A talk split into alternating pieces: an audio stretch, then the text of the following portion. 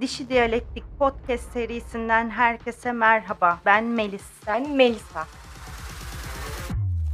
Bakış açısı mı, bakış açısı mı? İnsanlara bakış açısı kazandırmanın, bakış açısını bulmaktan daha zor olduğunu düşünenlerin podcastine hoş geldiniz. Kemerlerimizi bağladıysak Dişi Diyalektik Podcast serisi başlıyor. Bugünün konusu dezenformasyon, toplumsal sedasyon ve manipülasyon. Ve tabii ki tüm bunların sonucu olarak süre etkisi. Hazırsan soruyorum. Haydi sor, sor. Dezenformasyon, sedasyon ve manipülasyon nedir?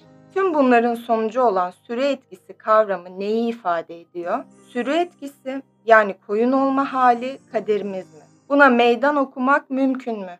Önce sıralamadan bahsedelim. Tam da sorduğun sırada aslında yani önce toplumlar dezenformasyona maruz bırakılır. Bunun sonucu olarak da toplumsal sedasyona uğrar ve sedatif bir etkide olan toplum yani uyuşuk hale gelmiş olan toplum manipüle edilir. Manipüle edildikten sonra da sürü etkisi oluşur. Bir sürünün içinde kaderine razı olmayan da pek yoktur maalesef. Normal bölümünde de konuştuğumuz gibi sürü bunu normal olarak nitelendirir. Baş kaldıran koyunlara da deli damgası vurulur ya da komplo teorisyeni denir. Öyle yaftalanır. Sırasıyla ilerleyelim o zaman. Öncelikle dezenformasyon nedir? Nasıl yapılır? Yanlış bilgilendirme ve dezenformasyon aynı şeyler mi? Bilginin gerçek hayatta sonuçları var. Gerçek bir hayat kurtarıcı olabilir ki doğru olduğunda. Ne yazık ki bunun tersi de geçerli. Doğru olmayan bilgi büyük zararlara neden olabilir. Bir virüs gibi yanlış bilgi yayılır ve bu da infodemi olarak adlandırılan duruma neden olur. Yani belirli konular hakkında hem doğru hem de yanlış bilgilerin hızlı ve geniş kapsamlı bir şekilde yayılması. Şimdi her zamankinden daha fazla iki tür yanlış bilginin yayılmasını yaşıyoruz. Yanlış bilgilendirme ve dezenformasyon. Bu iki kavram sıklıkla birbirinin yerine kullanılıyor. Birbirinden anlamca farklı ama. Bu farktaki kritik ayrımsa niyet. Yanlış bilgilendirme, yanıltma amacına bakılmaksızın yayılan yanlış bilgi. Bu tanımın ikinci yarısına bir bayrak koyalım, buraya işaret koyalım. Daha sonra önemli olacak çünkü. Yanlış bilgilerin yayılması günlük hayatımızda sıklıkla oluyor. Hepimiz hata yapıyoruz çünkü. Hepimiz bazı şeyleri unutuyoruz, ayrıntıları yanlış duyabiliyor ya da yanlış hatırlayabiliyoruz. Arkadaşlarımıza televizyonda duyduğumuz ya da sosyal medyada gördüğümüz ve aslında doğru olmayan bir şeyi anlatabiliyoruz mesela. Yanlış olan bir bilgiyi etrafa yayıyoruz ama bunun yanlış olduğunu bilmiyoruz. Bu teknik olarak yanlış bilgi yayıyoruz demek. Ve yanlış bilginin günlük bir şey olduğunu söylediğimde de tam olarak bunu kastediyorum. Bir örnek vereyim daha güzel olsun. Bir partinin saat 8'de başladığını varsay. Fakat davetiyeyi unuttun veya yanlış okudun ve arkadaşlarına dedin ki saat 21'de başlayacak parti. Onlara yanlış bilgi vermiş oldun yani. Buradaki anahtar farkında olmadan etrafa yayman bu yanlış bilgiyi. Öyle demek istemedin. Hatta bilginin doğru olduğunu düşünmüş bile olabilirsin. Yanlış bilgi niyetle ilgilenmiyor ve bu nedenle her türlü yanlış bilgi için kullanılan bir terim. Dezenformasyon ise bir ülkenin askeri gücü veya planları hakkında bir hükümet veya istihbarat teşkilatı tarafından düşmanca bir taktik, siyasi yıkım eylemiyle yayılan yanlış bilgi. Genel olarak da şöyle, kasıtlı olarak yanıltıcı veya ön yargılı bilgi, manipüle edilmiş anlatı veya gerçekler propaganda. Dolayısıyla dezenformasyon bilerek yani kasıtlı olarak yayılan yanlış bilgi.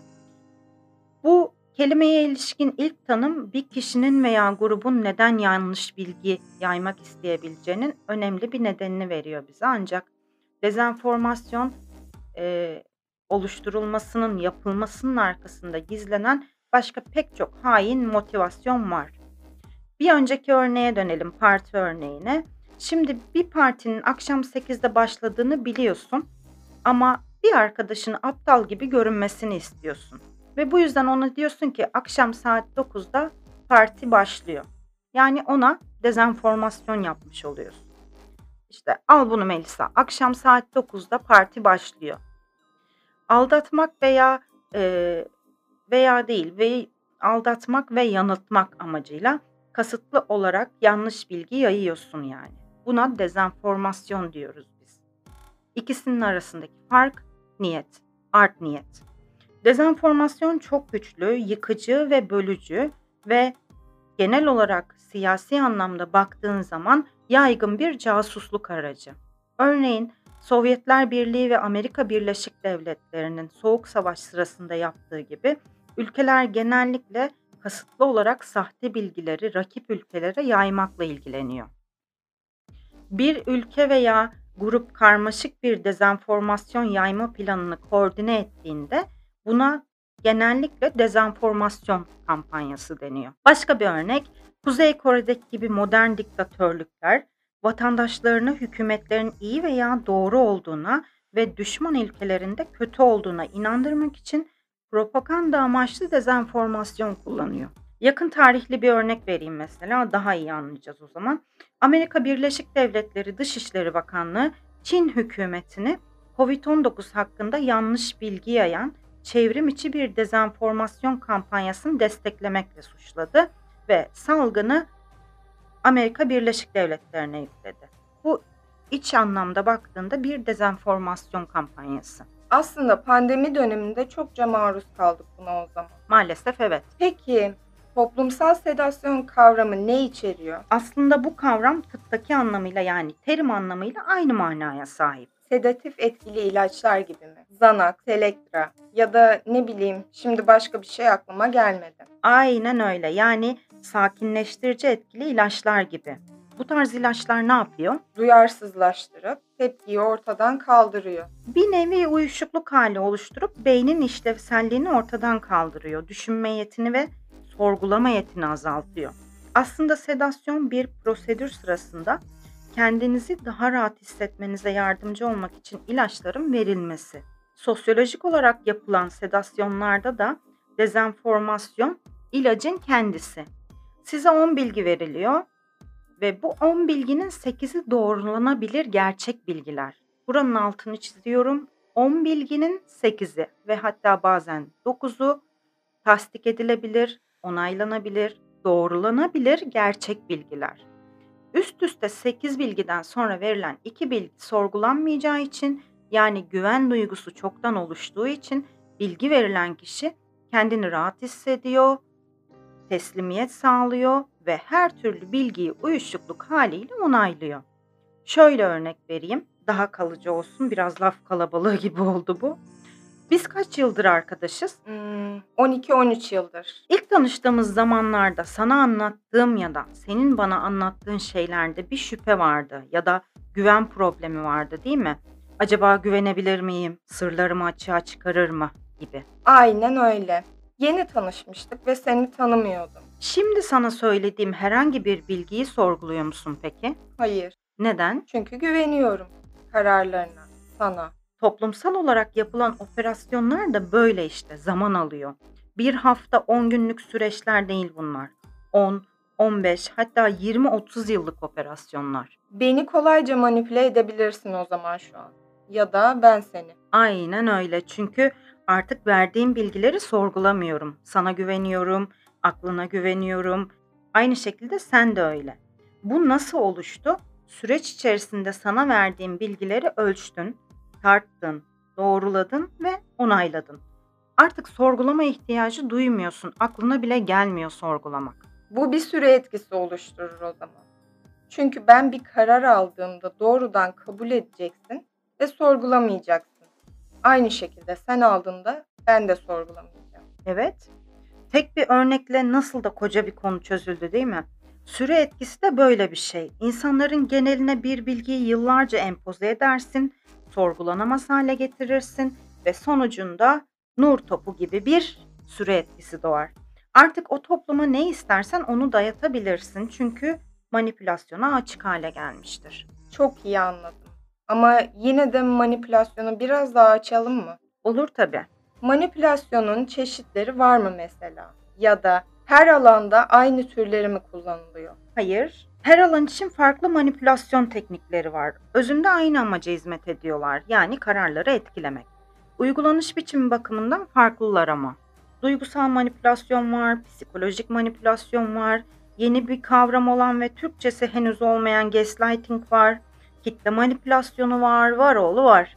Bu konuyla ilgili Ümit Özdağ'ın ki şu an Zafer Partisi Genel Başkanı eee, çok güzel açıklayıcı bir kitabı var. Detaylı olarak merak edenler okuyabilir. Kitabın ismi Algı Yönetimi. Turuncu renkli bir kitap. Bir de eee, bir tane daha kitap var. Neydi adı? Eee, Sefer Darıcı'nın Sübliminal İşgal. O da reklam boyutundaki konuları ele alıyor manipülasyonda. O da güzel bir kitap. Kırmızıydı sanırım. Yanlış hatırlamıyorsam. Çeşitlerinden ziyade aşamalarından bahsedelim ki genel olarak tüm türlerin hizmet ettiği noktayı kökten anlamış olalım. Ne dersin? Olur. Birisi sizi ya da birisi seni manipüle edebiliyorsa eylemlerini ve düşüncelerini de kontrol edebilir senin. Kendini bu tür istismarlardan koruyabilmen içinse manipülasyon belirtilerinin farkında olman önemli. Bunları bilmen önemli. Manipülatif eğilimler genellikle ince ve bazen tespit edilemez olsa da manipülasyonun dört aşaması var. Ne bunlar? İltifat, izolasyon, değer düşürme ve gaslighting, korku ve şiddet. İltifat ilk aşama. Manipüle eden kişinin nazik, ilgili ve yardımsever bir görünüm sergilemesi anlamına geliyor bu. İhtiyacın olan herhangi bir konuda sana yardım etmek istiyormuş gibi davranabiliyor ancak gerçekte sadece senden istediklerini almaya çalışıyor. İzolasyon aşaması bu manipüle eden kişinin seni arkadaşlarından ve ailenden izole etmeye başlayabileceği zaman.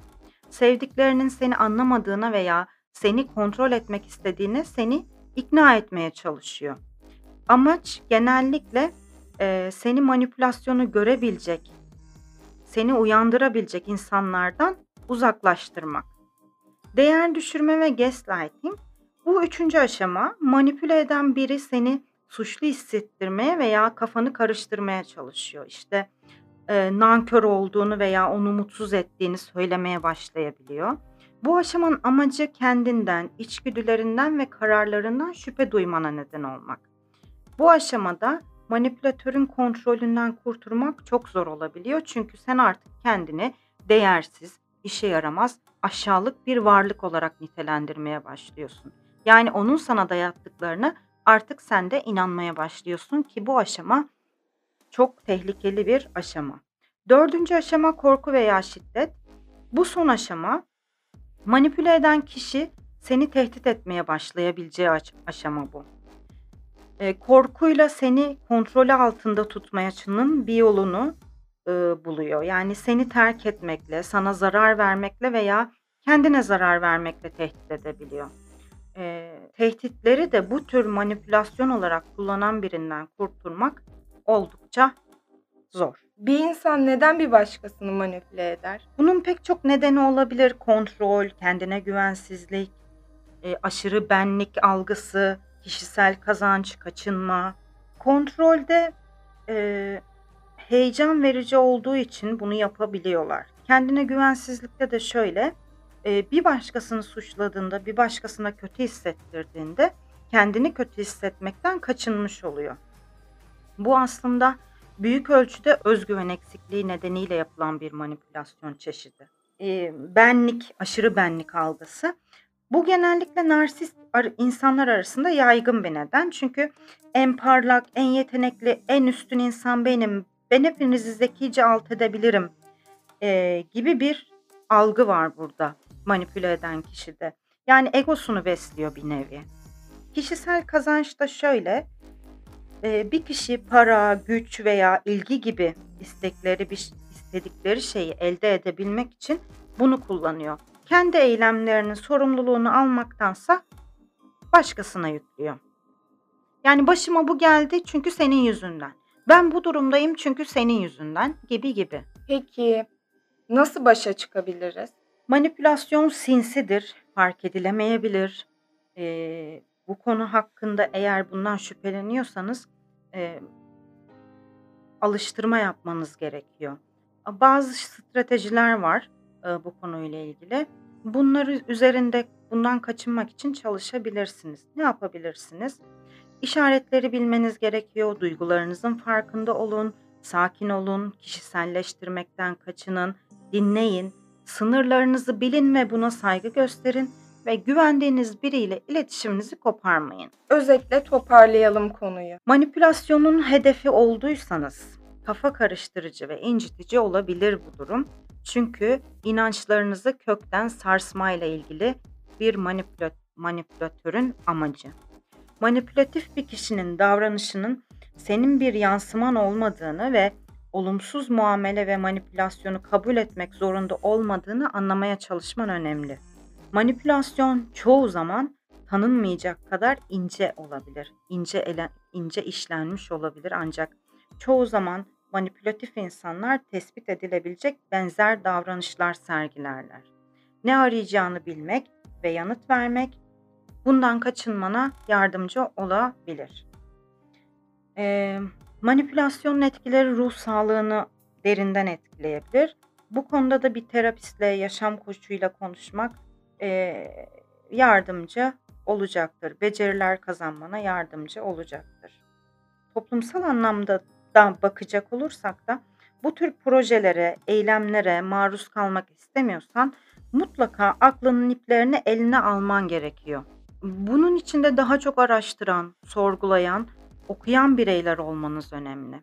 Analiz yeteneğiniz ne kadar gelişmiş olursa o kadar az bu tarz operasyonlara maruz kalırsınız. Dolayısıyla gönüllü kölelik sistemi olan yeni dünya düzeninde özelliği o kadar çok elinize alabilirsiniz.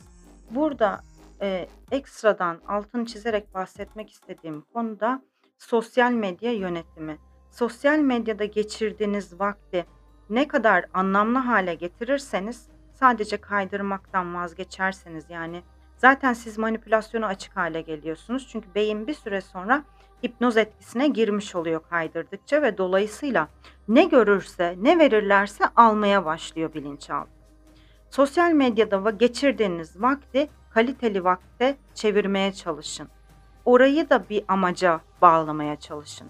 Bu günümüzde en, en, en, en çok önemli şeylerden biri. Dolu dolu bir bölüm olmadı mı sence de? Öyle oldu. Çünkü haftaya 1. sezonun son bölümünü yapacağız ve sezon bitmeden önce bu konulara değinmek iyi oldu. O zaman haftaya görüşmek üzere. Kendinize iyi bakın. Aklınızın iplerini elinize almayı unutmayın.